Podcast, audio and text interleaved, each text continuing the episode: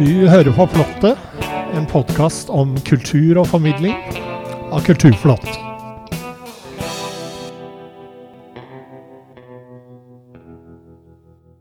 Denne julen har vi besøk av hele 29 artister. De gir oss innblikk i det de liker aller best musikk, formidling og kreativitet. I Flottet har vi også en full adventskalender denne gangen. Hver dag får vi en tekst om mytene ved julen, skrevet og fremført av forfatter, dramatiker og mytolog Terje Nordby. Så her er det mye å glede seg til, folkens. Mitt navn er Bård Andersson.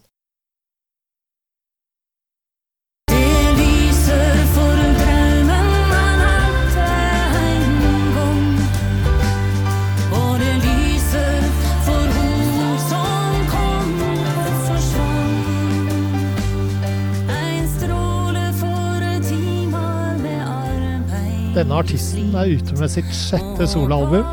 En personlig flate der hun våger mer tekstmessig enn tidligere, sier hun selv.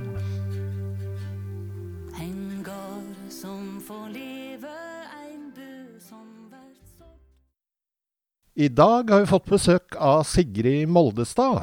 Velkommen. Tusen takk.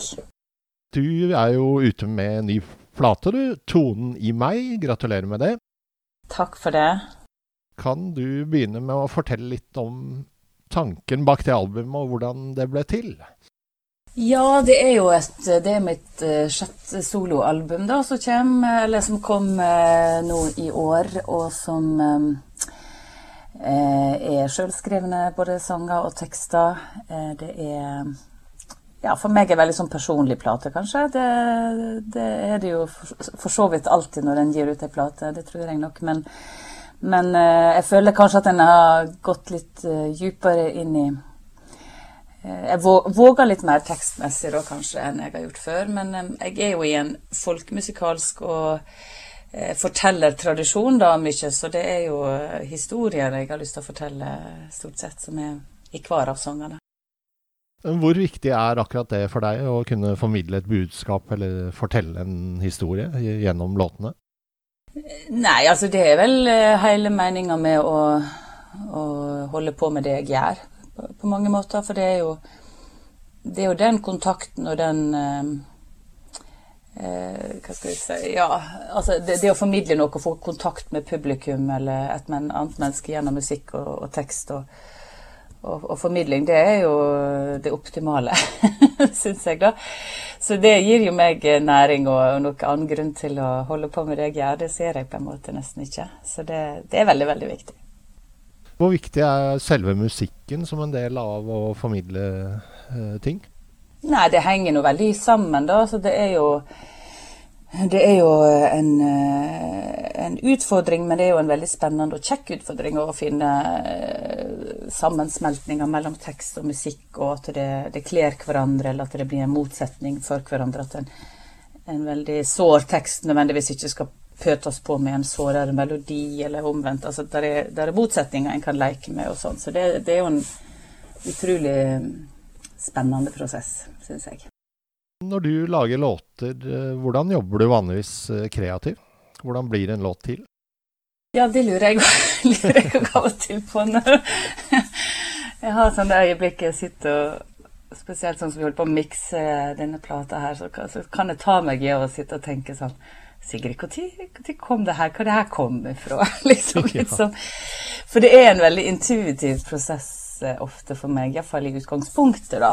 Eh, at ideene kommer til meg litt, men så må en òg da sette seg til å konkretisere og file og, og jobbe mer detaljmessig. Da. Så det er jo ulike prosesser, men, men selve den kreative skapelses... Eh, eh, øyeblikket der, den, den kan være veldig ulike. Det kan være en setning, eller det kan være en, en liten melodisnutt. En ute og går på, på en fjelltur, eller en ute og står og venter på bussen, eller noe sånt, og så kommer det plutselig noe til en. Og av og til så føler en jo at det må umiddelbart spilles inn, så en har mange sånne her små snutter på mobiltelefonen og, og sånne ting som, som en tar vare på, og så hører igjen. Så, så det er litt ulikt. Men så er det jo neste fase, da er det jo å sitte og gjerne samarbeide òg da med medmusikere eller produsenter og foredle det videre. Du har jo hvert år siden 2014 eh, vært på en juleturné. Vil du si litt om den? Ja, jeg er blant de som eh, årlig legger ut på en liten sånn desembertur. Eh, Jeg begynte det prosjektet i 2014, som du sa, og det har jeg kalla for Vintersong. Og utgangspunktet var vel en slags eh, Altså, jeg sto litt sånn lenge imot dette her jule... Det julekjøret, da. men, men så var det jo et eller annet i en òg som, som hadde lyst til å møte, møte folk med annen type musikk enn en gjør ellers i året. Og det får en jo virkelig muligheten til da i, i, eh, i førjulstida. Så utgangspunktet var på en måte ikke bare at det skulle være julemusikk, men at det òg skulle være vintersanger, altså sanger som passer årstider, og at jeg skulle kjenne meg litt sånn frigjort da, i forhold til hva annet repertoar jeg, jeg gjør eh, av mitt eget og sånt eh, ellers. Og så at jeg skulle da hver år, eller hvert år eh, ha litt ulik besetning. At en skulle prøve å jobbe med andre og, og gi dette der en liten sånn friskhet hvert år. Så det, det, er, veld- det er veldig koselig. og veldig, Det er ikke til å komme forbi at, det, at folk ønsker å høre musikk og komme på konserter og være i lag, da, ikke minst, tror jeg, uh, i denne tida her. Bortsett fra spilling, eh, hva, hva betyr julen for deg? Ja, hvor god tid har vi her? Nei, jul er jo for meg som for veldig mange et, eh, et eh, Ja, det er nå et sånt tveegga sverd, dette der, men for meg Jeg er heldig å ha en, en eh, ha gode, gode juleminner, og jeg har eh, en trygg heim å komme hjem til. Og så, så for meg så handler det jo mye om å komme hjem til der en Altså, jeg tror jul handler litt mye om liksom, lengten til barndommen på et eller annet vis. da. Så der, Derfor så lengter en liksom alltid tilbake igjen til et eller annet stadig og stødig som, som gjentar seg, og tradisjoner og, de gjentakende ritualer, nesten. da. Eh, det kjenner jeg òg er litt sånn viktig å holde ved. Og, så, så for meg så er jo jul knytta veldig til heimplassen min Breim i Nordfjord. Eh, mamma, pappa og søsken og, og alt som hører med der. Men så har en jo òg blitt mor sjøl, og, og så skal en prøve å lage litt sånn egen jul sjøl og sånt. Men det, det blir jo litt til at vi får til beste av besten. Alle sammen. Enn så lenge. sånn, så- Enn så lenge. Enn så lenge, ja. Nei da, så det er tradisjoner. Tradisjon er viktig. Eh, Har du en favoritt julesang? Å, det er mange Det er jo litt hva jeg eh, liker å høre sjøl, og hva jeg liker å formidle sjøl, egentlig, tenkte jeg nå plutselig. At det, det er jo visse sånne eh, sanger en kjenner en må høre, og jeg blir jo aldri uberørt av å stå i samla flokk og synge 'Deilig er jorden', f.eks. Altså, der er et eller annet utrolig rørende når folk står opp, og vi står der og insisterer så veldig på at vi synger 'Deilig er jorden'. Så vet en jo at jorda er deilig, men det er også utrolig mye utfordrende eh, i det. Og det er et eller annet nydelig den insisteringen fra, fra en flokk folk som står og synger i lag. Så det rører meg alltid. Um, det 'Hev ei rose sprunget' er vel en av de sangene jeg liker å gjøre sjøl, og som jeg syns òg er utrolig fin. Og så har vi 'I denne søte juletid', som jeg må høre hver jul. Men eh, for mange så er jo julen også forbundet med film. Har du en favoritt-julefilm også? Oi, ja, altså jeg eh, liker godt å se Love Actually, jeg opp igjen og opp igjen. og eh, jeg liker å se The Holiday. Altså det er bare sånn sviske, vet du. Vi blir jo litt sånn eh, smakløse på alle måter i, i denne tida. Det er liksom lov å være totalt eh, uten eh, ryggrad, sånn sett. Så. Jeg, jeg vet hva du snakker om, for å si det sånn. Og det er jo litt deilig, for vi er så strenge og korrekte ellers i året, kanskje. Så, så jeg eh, Nå gleder jeg meg. Jeg har ikke sett den nye 'Tre nøtter til Askepott' ennå, men eh, den kjenner jeg at jeg må ta med meg dattera mi og gå og se, f.eks. Ja. Originalen er jo selvfølgelig et must. Tusen takk for at du kom til Flott, eh, Sigrid Moldestad. Da spiller vi 'Bonden' av Sigrid Moldestad.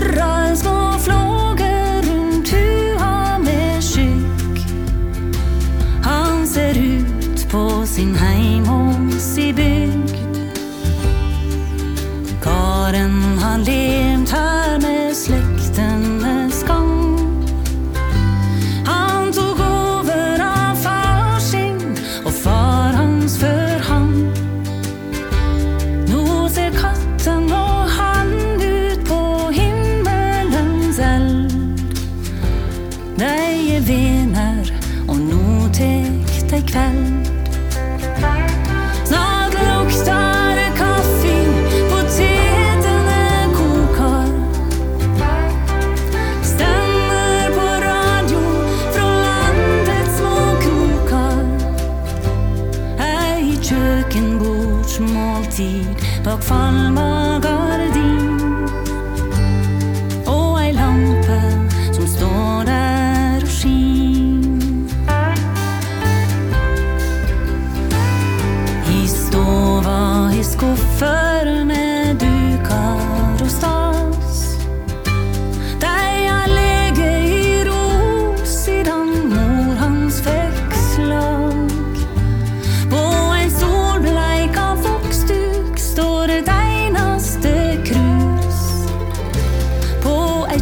kjøkken i et altfor stort hus.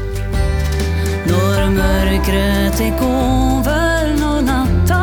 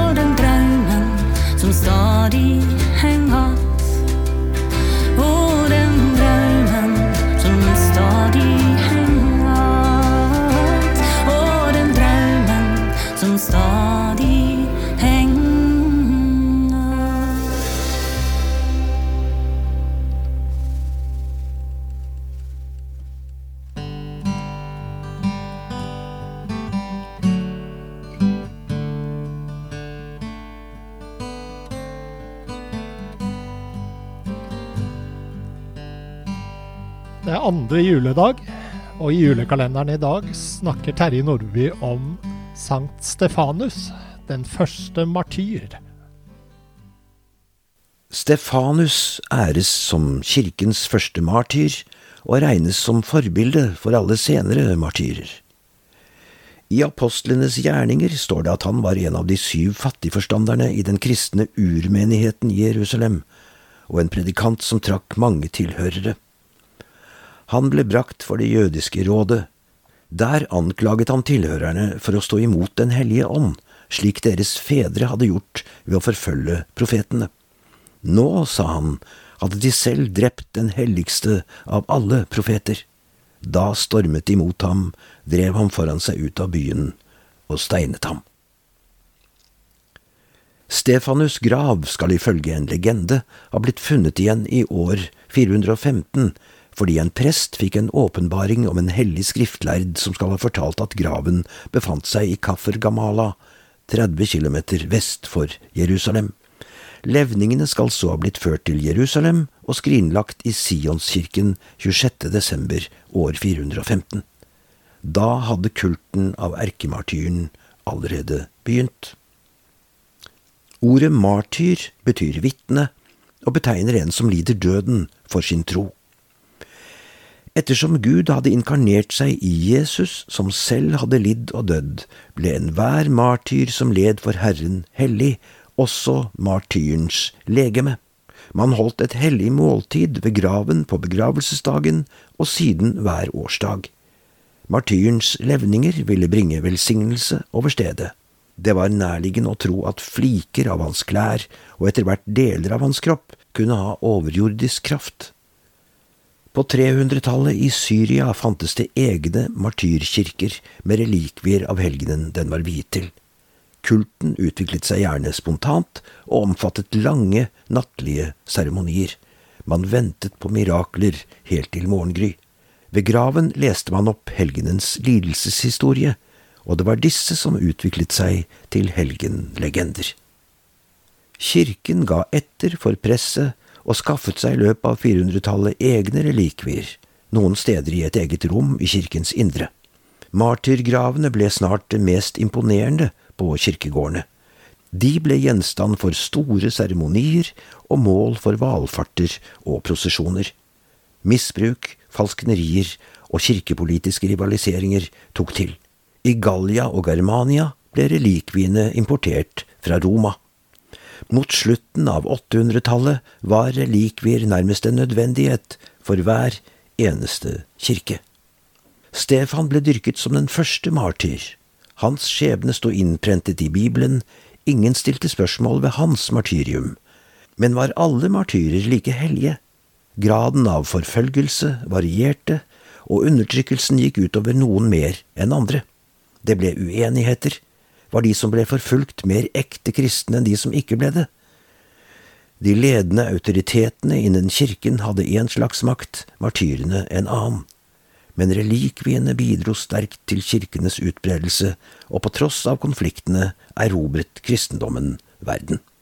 Martyrenes blod var en viktig årsak, om mulig den viktigste.